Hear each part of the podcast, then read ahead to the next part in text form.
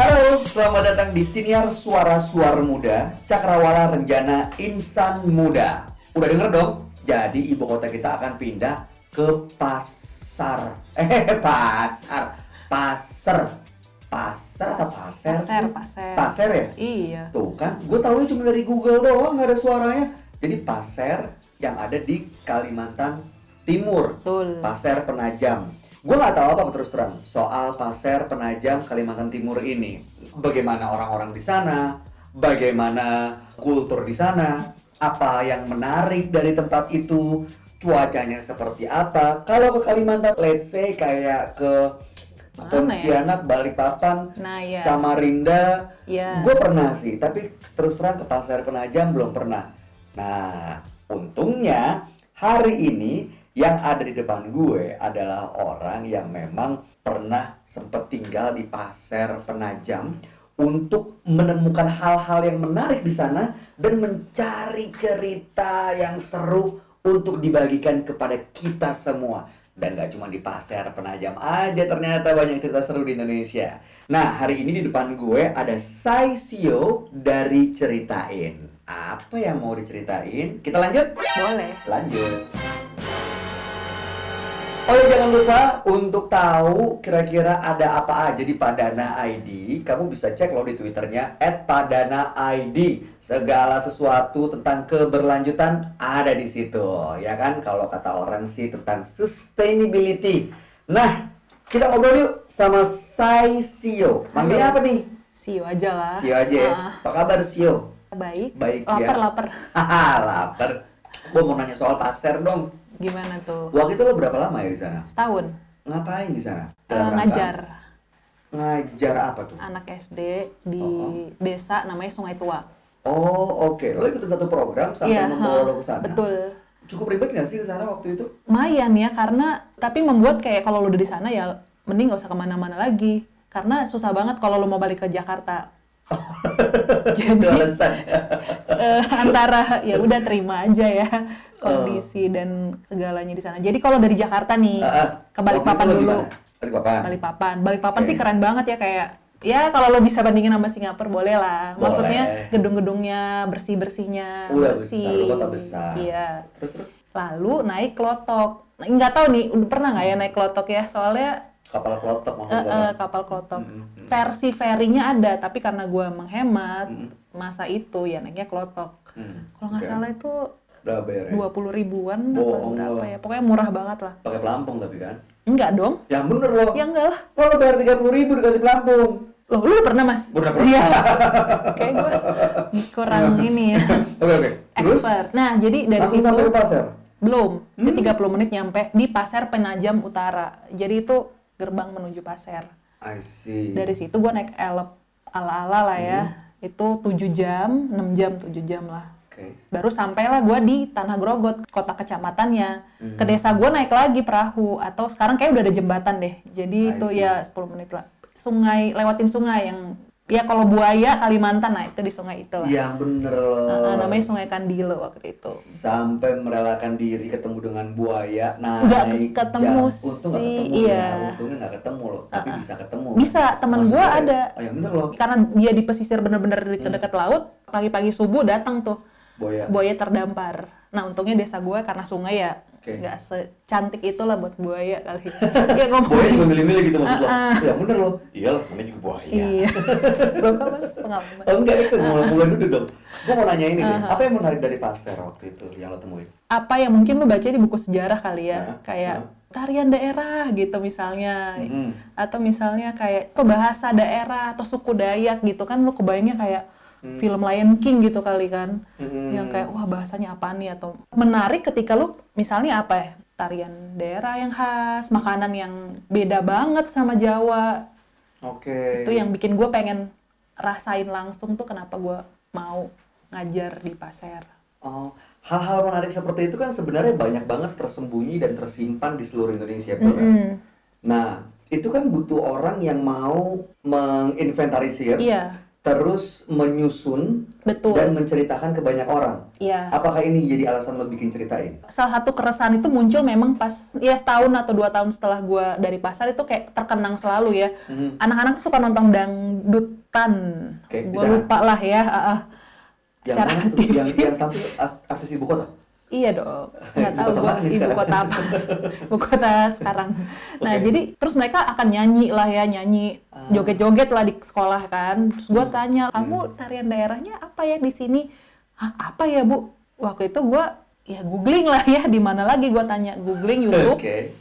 dan ada tarian daerah di situ. Tapi ditarikannya hanya event-event tertentu atau makanan gitu misalnya bu eh, ada makanan ini. Oh itu ada tapi pas acara Tertentu. ritual apa gitu. Jadi maksud gue yang di googling ya cerita-cerita itu kita bisa gampang lihat di Google ya. Tapi Ah. kalau lo mau tahu lebih dalamnya bentuknya kayak apa, rasanya kayak apa, eh, pengalaman gue di pasar itu membuat gue ternyata di Indonesia ini iya ceritanya banyak Hmm. bisa lo baca di digital, tapi harus digali Heeh. dan belum banyak yang menceritakannya. Masih banyak yang tersembunyi di balik Betul. cerita yang lo lihat di internet ya Itulah sebenarnya. yang ya. buat gue bikin ceritain menggali cerita terus dibuat visualnya dan jadi karyanya. Oh gitu. Kita apa ya Mas ya? Perancang cerita. Perancang cerita. Betul. Wah seneng gue karena banyak banget cerita-cerita di Indonesia kan sebenarnya Mm-mm, yang bisa lo temuin Betul. tidak hanya di Google. Bukan cerita hoax atau viral, viral. Aduh jangan Seperti dong. Itu ya. Selain pasar ada cerita apa aja yang lo udah temuin nih? Ceritain itu jadi jembatan buat klien. Oke. Jadi kita kan memang usaha sosial ya atau bisnis sosial. Jadi kita memang tetap menerima order-order dari perusahaan misalnya atau organisasi. Waktu itu ada satu perusahaan dia minta bikin kemasan beras. Mhm. Nah, kemasan beras itu kan ya yang kita temui pada umumnya ya pakai plastik dan kita dapat tantangan bisa nggak bikin kemasan beras ini berbeda. Mhm. Nah, cerita itu jawaban untuk membuat sebuah visual yang berbeda pula. Jadi kita tanya nih, waktu itu kita sampai mencari laporan assessment di daerah asal beras itu di Majalengka waktu itu. Oke. Jadi gimana sih sehari-hari? Kita cari juga fotonya kayak apa sih. Mhm. Ada tim kita yang turun juga ke sana untuk nanya si petani ini tuh dia sehari-harinya pulang bertani ngapain, pergi ngapain gitu. Oke. Baru udah dapet kita visualkan oh ternyata warna-warna eh, daerah itu tuh hijau tapi ada coklat-coklatnya juga maksudnya karena dia juga kaya dengan hasil lahan yang lain. Nah, itu kita jadikan di visual kemasan berasnya, kita buat tidak dari plastik tapi dari kain yang diserut dan mudah dibawa ke mana-mana. Jadi kita dapat cerita kalau petani-petani itu sehari-harinya itu suka bawa rantang ke Heeh. ke sawah. betul. Nah, terus kita Oh, pikir untuk makan siang. Uh, jadi kayak kita kebayang kalau misalnya orang bisa pegang juga si beras ini seperti mereka megang rantangnya, Heeh. mereka punya koneksi antara customer sama si petani ini. Nah, itu yang kita ajukan desain ini ke klien tersebut. Terus ya alhamdulillah diterima desainnya. Jadi itu yang kita suka gali-gali gitu sih, Mas. Berarti selama ini klien-klien dari ceritain Mhm. itu adalah perusahaan-perusahaan yang mau mungkin mendesain sebuah produk atau Iya. mungkin mau mendesain sebuah campaign, Iya, desain betul. ceritain ini adalah yang dilakukan mencari cerita Mhm. di balik produk itu Mhm. dari mulai asalnya, kebiasaannya, Iya. orang-orang yang ngerjainnya untuk akhirnya diturunin menjadi satu bentuk desain atau Iya. visual. Iya.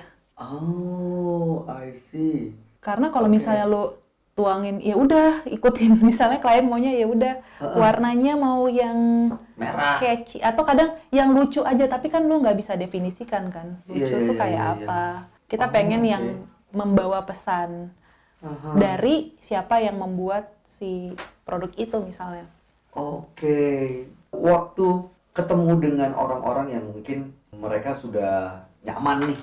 Misalnya lo ngomongin soal beras ya tadi. Iya. ya. Para petani itu kan mungkin gue sih taunya adalah bertani, gue Hmm. ngasilin beras, udah gitu gue kasih ke orang yang akan masarin itu beras.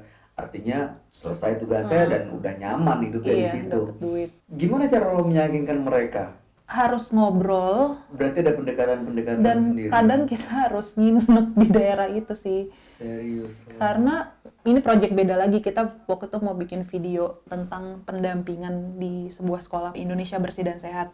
Oke. Nah, itu ketika ditanya anak-anak nih waktu itu ya, apa sih cerita menarik yang ada di desa ini gitu? Kita tanya gurunya, kita tanya anak-anaknya. Hmm. Nggak ada, biasa-biasa aja gitu ya. Kalau bahasa Sunda gitu-gitu weh gitu kan, nggak nggak ada yang menarik gitu. Tapi ketika ditanya Sabtu Minggu ngapain? Eh, Iya ada nih kita malam-malam nari randai. Randai apaan tuh kan ya? Gue juga googling lah. Jadi mereka nyari tanah kosong pakai lampu senter untuk Oh, itu terus pakai yang nggak bisa lo temuin sehari-hari dong iya. sebenarnya. Tapi buat mereka Kenapa? biasa. Oh, kayak karena sehari-harinya berarti seperti iya itu. tiap oh, weekend oke. gitu. Akhirnya ya itu aja yuk kita syuting kita ambil aja Mm-mm, si konten itu bisa nggak? Marah mereka seneng banget dan semangat banget. Yang kita temuin adalah orang-orang suka ngerasa apalagi orang di daerah-daerah ya ah. suka ngerasa ya biasa aja gitu misalnya petani itu ya bawa rantang ya kan Iya, Semua ini apa orang. menarik ya buat lo Mm-mm. gitu. Tapi gini, saat eh, ketemu dengan orang-orang desa itu, kedatangan lo dan Mm. teman-teman itu jadi sesuatu yang baru dong buat mereka ya. iya kayaknya harus smooth sih masuknya lu kan yang suka jalan-jalan tuh mas Iya, itu memang kadang-kadang yakinin mereka untuk bisa ngobrol aja tuh Iya. agak lumayan challenging, pelan-pelan. lu nggak mungkin kan hai saya Eh, eh, nggak bisa, ya kan? tapi kan lu terkenal mas Iya, iya sih. Iya sih. Loh. ya enggak maksudnya tapi kan nggak semua orang juga gitu Iya. tahu. Orang dari Jakarta misalnya pernah ngeliat di TV atau oh apa iya gitu iya iya bener. Nggak semuanya pendekatan pendekatan kalah sama artis dangdut. Kalah bu. Iya. Tantangannya beda-beda dong betul yang betul temuin. betul. Yang paling berkesan tantangan seperti apa? Yang paling berkesan salah satunya sebenarnya si Randa itu paling challenging sih. Karena kita udah ya syuting kan selalu dikejar waktu. Ah, ah, dan udah udah ada skripnya sebenarnya. Oke. Tapi kayak sutradaranya merasa kok biasa banget gitu. Dan itu cuma dikasih waktu syuting tiga hari. Mhm. jadi itu hari pertama kita survei lokasi lagi cek dan Mhm. belum ketemu ceritanya. Jadi kayak harus besok tuh harus ada nih dari sutradara. Nah Mhm. gue minta ya udah malam-malam itu ya belusukan lah langsung ke rumah si warganya itu Hmm. untuk cari cerita itu. Karena tadinya kita pakai perantara orang yang udah lama ada di situ kan jadi Ah. nanyanya dia pada saat kita mau nanya si tokoh yang mau kita angkat ini nih ah. barulah keluar ceritanya Oke, selama ini sebenarnya semua orang kan doyan Mm. cerita dan diceritain Mm, ya. mm, mm. Kenapa lo bikin ceritain? Karena ada cerita-cerita yang tersembunyi, betul yang nggak ke blow up, Mm-mm, yang nggak kedengeran. mm-mm. Kenapa mereka nggak cerita? Apa sih kesulitannya? Nah ini gue tuh waktu itu ke daerah lain nih Hmm. eh, di Solok Selatan nah itu gue curiganya ini ya kita curiga kalau itu berakar dari sosial apa ya masih kayak peer-nya gitu loh Oh, eh, lingkungannya Secara budaya memang membuat mereka Hmm. nggak merasa itu perlu, atau gimana? atau nggak bu- bukan gue nggak tahu ya kalau budaya nanti takut Eh, salah ngomong ya Apa mereka kalau misalnya cerita jadi sesuatu yang diketawain gitu? Apa mereka Nah. khawatir itu? jadi waktu itu kita pernah ngadain kelas kreatif Heeh. di eh, Solok itu Mhm. anak-anak cuman kita suruh coret jadi ini ada krayon Heeh. terus coret-coret mereka diem yang kayak ah boleh nggak nih coret gitu terus dia nanya coretnya yang kayak gimana kak dari sini ke sini boleh nggak jadi kayak apa ya ini kecurigaan yang kita gali dan kita pengen bikin kelas kreatif jadinya buat anak-anak juga Mhm. karena anak-anak pun tidak percaya diri Mhm. selalu merasa takut salah Mhm.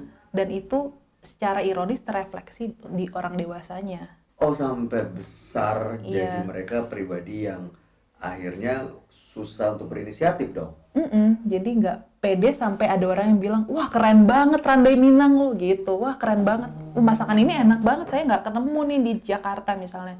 Mhm. Selama Gimana mereka sih? lakuin itu nggak dapat apresiasi soalnya ya. Ah iya kayaknya gitu deh mas. Iya gimana? kurang- Oh, Ya mungkin belum ada apresiasi karena belum tersampaikan. Belum kan? diceritakan. Belum diceritain. Iya. Itu yang lo lakuin bareng sama teman-teman. Iya, Mencari cerita itu Mm-mm. supaya didengar sama orang.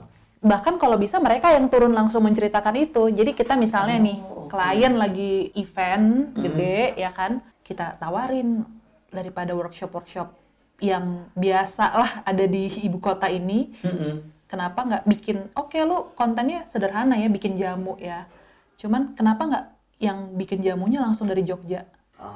atau waktu itu ada craft mainan buat anak-anak dari kayu Mm-mm. kenapa nggak langsung toy maker dari Banjarnegara jadi waktu itu kita undang nah mereka gua pun surprise dengan kesurprisean mereka kayak mbak kita tuh nggak pernah tahu kalau kemampuan kita bikin boneka kayu ini Heeh.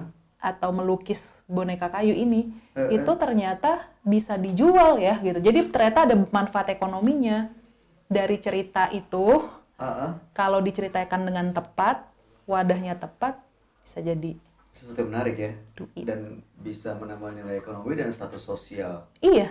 Oh sih selama lo mengerjain ini lo jalan sendiri ya Sio? Enggak dong. Ada tim? Ada tim. Itu mereka punya mental yang sama juga sama seperti lo gak sih? Iya mereka tuh menurut gua jadi semangat gua sendiri kali ya. Heeh. ini sebagai perbedaan umur. Oke. Jadi mereka tuh kebetulan mereka lebih muda dari lo jauh. Tapi sekelompok ini sekelompok bocah-bocah ini. Eh, eh. Itu seumuran semua. Entah mereka ngomongin gua atau enggak ya nggak tahu lah ya. Ya pasti mereka punya WhatsApp grup lah ya di mana lo gak ada. Pernah sih gua ngintip ya. Kayak "Hmm, pengen gua tanya tapi gua kayak, ngapain sih lo pengen tahu aja? Nggak maksud gue gini. Saat tim lo merasa Hah. aduh gue pengen pulang deh kayaknya nih. Ketemu orangnya susah banget gitu. Mereka down lah. Iya. Ya semangat mereka hilang. Mm-mm. putus harapan semangat padam. Apa yang lo lakuin? Pernah nggak ngadepin situasi seperti itu? Sering sering kebayang ya mas ya? Karena kan source atau sumber cerita itu dikit. Iya lu kalau lihat di gali Google gitu. juga ya maaf ya gitu-gitu aja sebenarnya. Lu harus ngegali. Salah satu cure-nya atau penyembuhnya yang paling ampuh itu ya harus cerita juga. Oh. jadi harus brainstorming harus saling tanda kutip menuntut kenapa lu belum dapat ceritanya. Dan kadang jangan sepele sama apa ya hal-hal sederhana yang mungkin terlihat biasa tapi lu lewatin. Padahal sebenarnya orang itu tuh punya sesuatu yang buat diceritakan. Jadi harus harus adu ide gitu loh harus adu cerita. Oke nih gue bicara soal anak muda ya. Ah. mereka kan udah sehari dengan gadget dong iya. Kadang-kadang berita yang mereka temukan adalah berita-berita viral yang tuh diomongin di mana-mana. Mm-mm. sementara yang lo tuntut adalah Hmm. bukan mencari berita viral. Iya. Mencari berita yang tersembunyi. Betul. Mana yang lebih menarik sebenarnya buat mereka? Nah kerennya mereka. Mereka itu kalau lu kasih tools mereka tuh kayak bisa berpikir dua kali lipat lebih cepet daripada gue misalnya gitu ya. Jadi misalnya gini toolsnya adalah gue kasih misalnya kerangka berpikirnya. Mm-mm. jadi jangan cari yang viral cari yang misalnya karakter public figure lah kadang karena kita pakai itu ya buat ada campaign apa gitu kan mas. Oke. Jadi misalnya cari yang kehidupan sehari-harinya dia itu mm, jangan yang cuma kayak pamer makan sehat, tapi sebenarnya dia juga sama keluarganya kayak itu. gitu. Jadi ketika lo kasih mereka tools-tools berpikir baru itu, Hmm. referensi mereka jauh lebih banyak dan cepet banget untuk Hmm, I see. nemu ide. Oke, nah ini kalau misalnya ada orang yang mungkin setelah dengar obrolan kita Mhm. kepikiran untuk cari cerita-cerita tersembunyi yang ada di seluruh Indonesia, pasti banyak banget Yoi. lo setuju kan? Yoi. Apa yang harus mereka lakuin supaya bisa ketemu tuh cerita yang tersembunyi? Menurut gua sih cerita ini tuh bukan punya gua, bukan Oke. punya CEO, apalagi punya tim gua ya. Aha. Ini punya semua anak Indonesia, semua orang Indonesia. Kita hanya menceritain, kita ceritain kan, cerita itu udah ada Mhm. di sekitar kita. Mulai dari Pak Ogah mungkin yang lo temuin pas lo di Simpang gitu misalnya, atau ibu-ibu yang lo temuin di lift. Mhm. Selalu ada cerita baru dari setiap orang yang tersembunyi yang menanti untuk diceritakan Mhm. bisa kita beritakan di media sosial kita atau lo kalau penulis buku boleh nulis atau penyiar radio Anda bisa menceritakannya dalam siaran. Anda gitu. Oke. Sehingga kita punya banyak referensi dan orang-orang yang ceritakan kita itu merasa percaya diri kalau oh iya I'm I'm a storytelling worth. Iya iya iya. Dan kemampuan mencari cerita tersembunyi ini bisa digunakan misalnya kayak tadi yang udah lo lakuin ya. Iya. Gue perusahaan pengen bikin satu campaign, bikin satu desain, Iya. bikin produk. Apa nih harus gimana bentuknya, gimana desainnya, gimana warnanya. Dan ini bisa lo cari, lo olah dari cerita-cerita yang bisa lo gali. Iya ngobrol, ketemu. Oh, I see. Selama menjalankan ceritain apa achievement atau pencapaian atau Wow. titik milestone yang pernah bikin lo ngerasa puas pasti nggak pernah ya Iya tapi sih, paling nggak tapi susah tuh kalau indikatornya adalah puas tapi paling nggak oke ini adalah sesuatu yang bakal gue ingat seumur hidup Yang bikin gue happy adalah ketika itu bisa bermanfaat buat orang lain. misalnya Waktu itu nih ada satu penjahit di daerah Depok. Heeh. Dia penjahit permak permak permak apa Permak. permak sih? Permak levis. tapi tulisannya ya Iya, Vermak permak levis. Iya.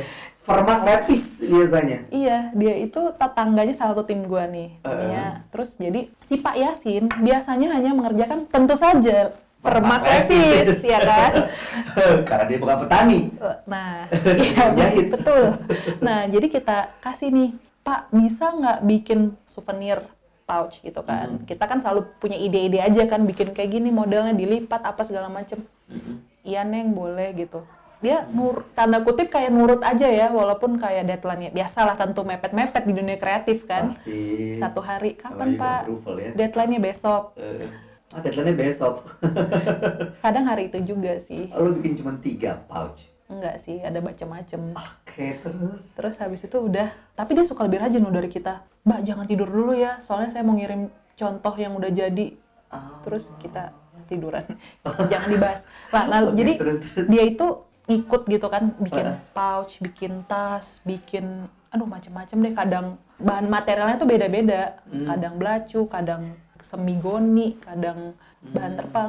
Nah terus akhirnya dia ngomong nih, Mbak saya tuh belum pernah loh bikin yang kayak kayak gini kalau enggak saya jadi merasa kreatif. Itu keluar dari dia. Gue belum pernah sih Ah. videoin bapak itu sebenarnya. Cuman kata-kata dia saya jadi kreatif nih karena bisa bikin macam-macam ya Mbak. Kira kita sekarang kita support bapak itu dengan beli mesin jahit buat dia. Oke. Jadi dia sekarang bisa terima orderan kita dan orderan-orderan orang lain juga. Vermak lepis masih jalan Iya, dong? dia udah sempat sampai mau alih usaha untuk jualan daster karena ya karena mungkin waktu itu bisnisnya Iya, kurang oke iya. ya jalannya ya Mm-mm. tapi justru karena lo dan tim datang Iya. memberikan suntikan semangat lagi dan Iya. sampai sekarang masih jalan Masih ya, alhamdulillah. Malah dia kayak nggak apa-apa bisa saya bisa gitu. Oh, oke. Wah, ini menarik juga ya, karena lo bisa ketemu dengan banyak orang dan lo menjembatani cerita-cerita tadi, Potensi lokal tadi, potensi-potensi betul. lokal, supaya mereka punya rasa percaya diri, akhirnya mereka jadi berdaya dan mereka bisa ya yang bapak tukang jahit tadi yang hampir putus asa, justru seperti mendapatkan secercah harapan Harapan. yang akhirnya membuat dia semangat lagi sampai sekarang jalan. Iya. Oke, ke depannya untuk ceritain apa target yang paling dekat? Kelas ceritain. Nah, Itu siapa yang bisa ikut dan semuanya boleh ikut. Nah, pas banget. Jadi Oke. kita buka kelas ceritain ini buat anak-anak sih sebenarnya. Uh-huh. Tapi mau di daerah-daerah. Pengen mereka tahu apa aja sih, ya bahasa dewasanya potensi Uh-huh. daerah gua. Mm-mm. Jadi mulai dari mereka mungkin nanti bikin tie-dye tapi dengan motif daerahnya sendiri atau belajar nulis gitu. Nah, Uh-huh. itu lu yang suka ngajar, Uh-uh. yang suka bikin games-games di kelas atau di acara-acara, Mhm, yang suka bikin kurikulum, yang suka foto. mhm. Nah, itu boleh gabung untuk jadi relawan kelas ceritain. Oke, Karena jadi kita mau ngegali itu kan Mas dari kecil lah gitu, jangan pas sudah gede baru nyari-nyari profesi apa gitu ya. Mm-mm. Jadi mending dari kecil mereka udah punya akses untuk belajar kreatif itu. Iya, karena kalau dengan kreativitas mereka jadi punya harapan Iya. dan ya di daerahnya masing-masing mereka bisa mengembangkan potensinya Iya, dan nggak harus semuanya ke kota besar betul. ya. Sekarang aja lu susah nggak sih nyari kayak desainer apa gitu? Iya, Iya iya iya sih. Dan mudah-mudahan nih ceritain ke depannya makin banyak lagi potensi-potensi yang diceritakan ke kita semua amin. dan semua orang juga bisa menjadi seorang perancang cerita seperti Betul. yang dilakukan oleh Saisio dan teman-teman. Thank you banget Makasih banget mas. Saisio. Gue jadi semangat. Iya dong, karena gue seneng banget gitu dengar cerita lo tuh Ya gue gak nyangka aja pengalaman lo ketemu A, B, C, D Iya. Dengan kultur yang beda-beda Memberikan harapan buat orang banyak Sehingga mereka menemukan potensinya Dan punya harapan Karena kalau orang udah hilang harapan selesai Tapi selama masih ada harapan, apa pun tantangan di depan pasti disikat. Dan semua orang bisa Pastinya. menjadi perancang cerita. Siap kalau begitu sukses Terima untuk kasih. ceritain. Ya. Salam buat teman-teman yang lain. Ya, Thank you Saisio. sampai ketemu lagi. Sampai ketemu lagi. Nah, ini menarik banget nih. Jadi sebenarnya kalau kamu bisa menemukan satu cerita yang tersembunyi, itu menjadi satu hal yang lo tuh punya keunikan, lo punya cerita yang orang lain tuh belum tentu tahu. Saat lo menjadi orang yang pertama menceritakan hal itu ke orang lain, pasti ada kepuasan batin yang lo dapetin. Oke, jangan lupa kalau mau tahu cerita-cerita lain, lo bisa follow juga twitternya @padana_id. Alright, Bayu Oktara, lanjut.